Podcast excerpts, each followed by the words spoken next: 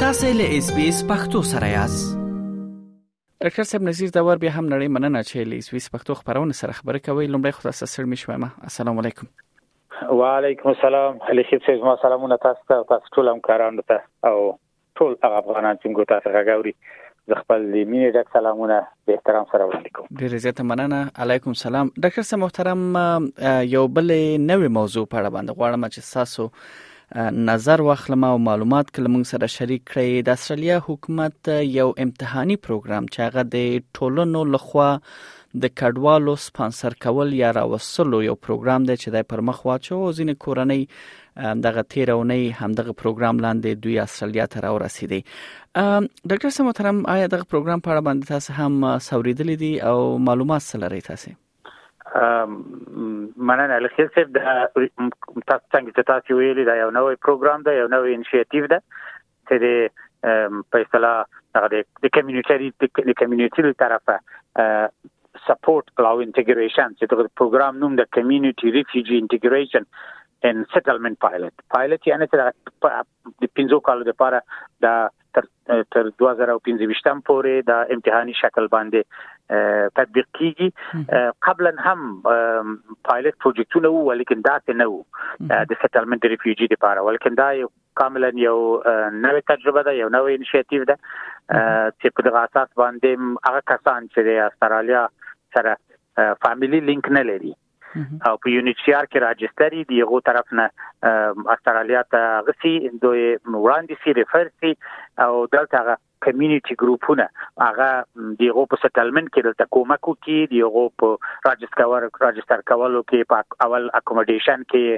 چې ته جاي کور ورکی راجستری کی دی د میډیکیر سره د سنټر لینک سره د د سوشل خدماتونو چې ورته ورسیږي د ژبې په پروګرامونو کې په کاریابی کې کومک سره وکي باید یو کمیونټي پروګرام یو کمیونټي ګروپ باید دوی سره کومک وکي نو دا غنوي پروګرام دا ډیره ښه پروګرام ده اگر چې په میډیا کې ویل شي چې دا تقریبا شباهت لري د کاناډایي د تجارب سره چې هغه څلور کاله کاناډا دا کارونه کړی دي ولیکن ما چې ډیټیل د پروګرام وکړ او د کاناډا د پروګرام ما غاهی لرم نو تفاوتونه ډیر پکې شته خو دا یو ښه پروګرام ده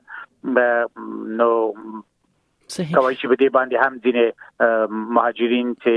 په استرالیا د استرالیا سره لینک نه لري څو فاميلي ممبر دلته نشته چې سپانسر کی د کمیونټي ګروپونو طرفه سپانسر شي دلته راځي بله هو همدغه ته زه هم راتلم ډاکټر سم محترم دغه سوال هم دغه مطرح کیږي چې دغه کډوال چې دوی بهر دي کډوال منل شوي دي دا د همدغو ځایي ټولنو لخوا نه دا سپانسر کیږي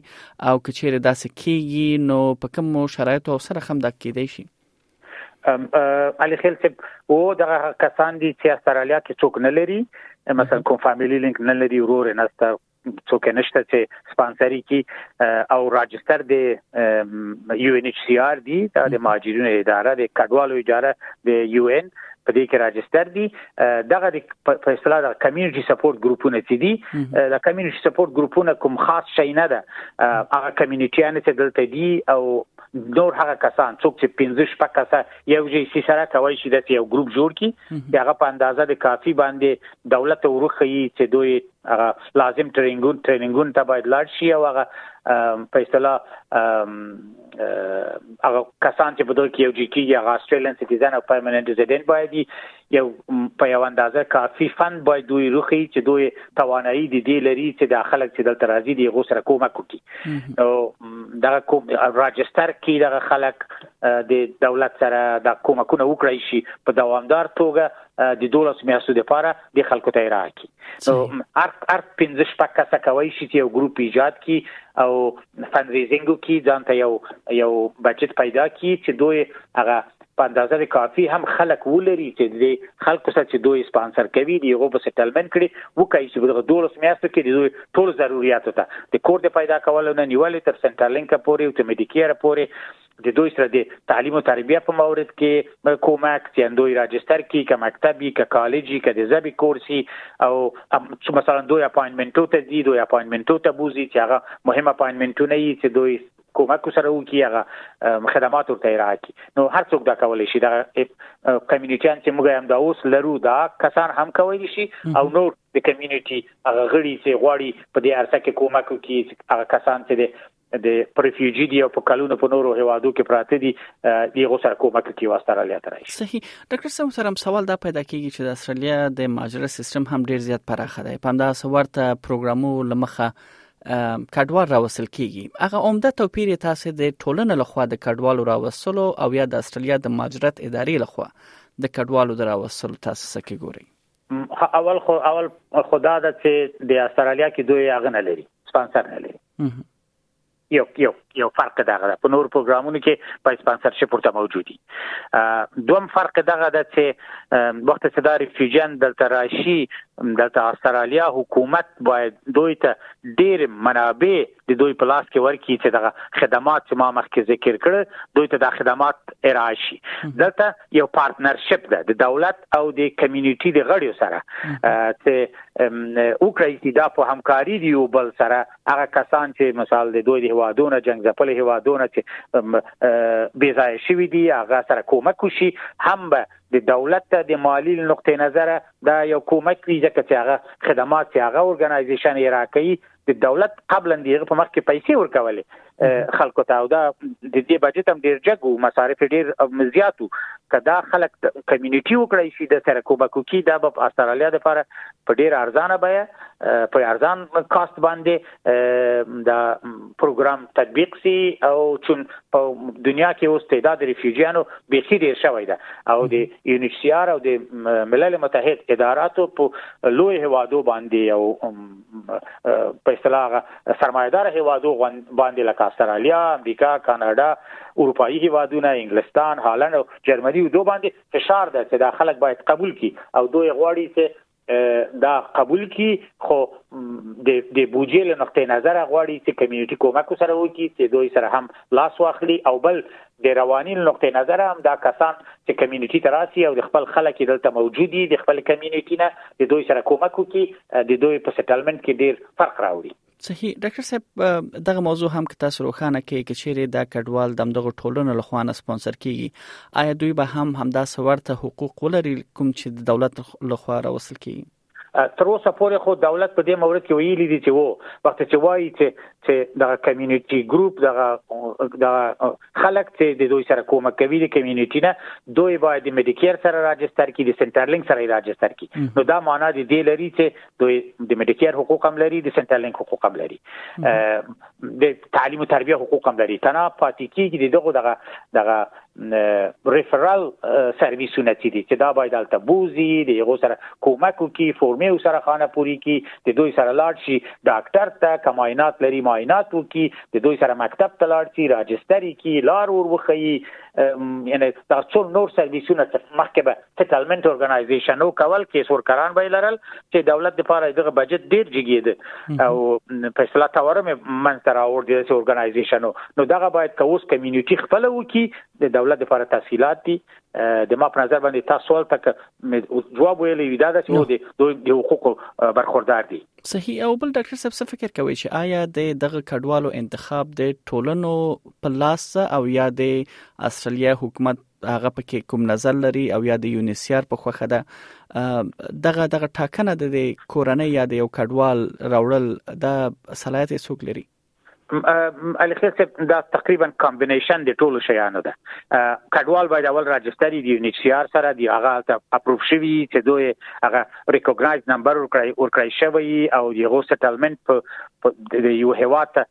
کیدون کوي په یو هیواد چې دوی څوک نه لري نشي کوي د ته سرعت ور کوي چې دغه اورګنایزیشن چې دلته دی د خپل هغه خلک الته کاندیدات چې دی د اورګنایزیشن سره تماس ونیسي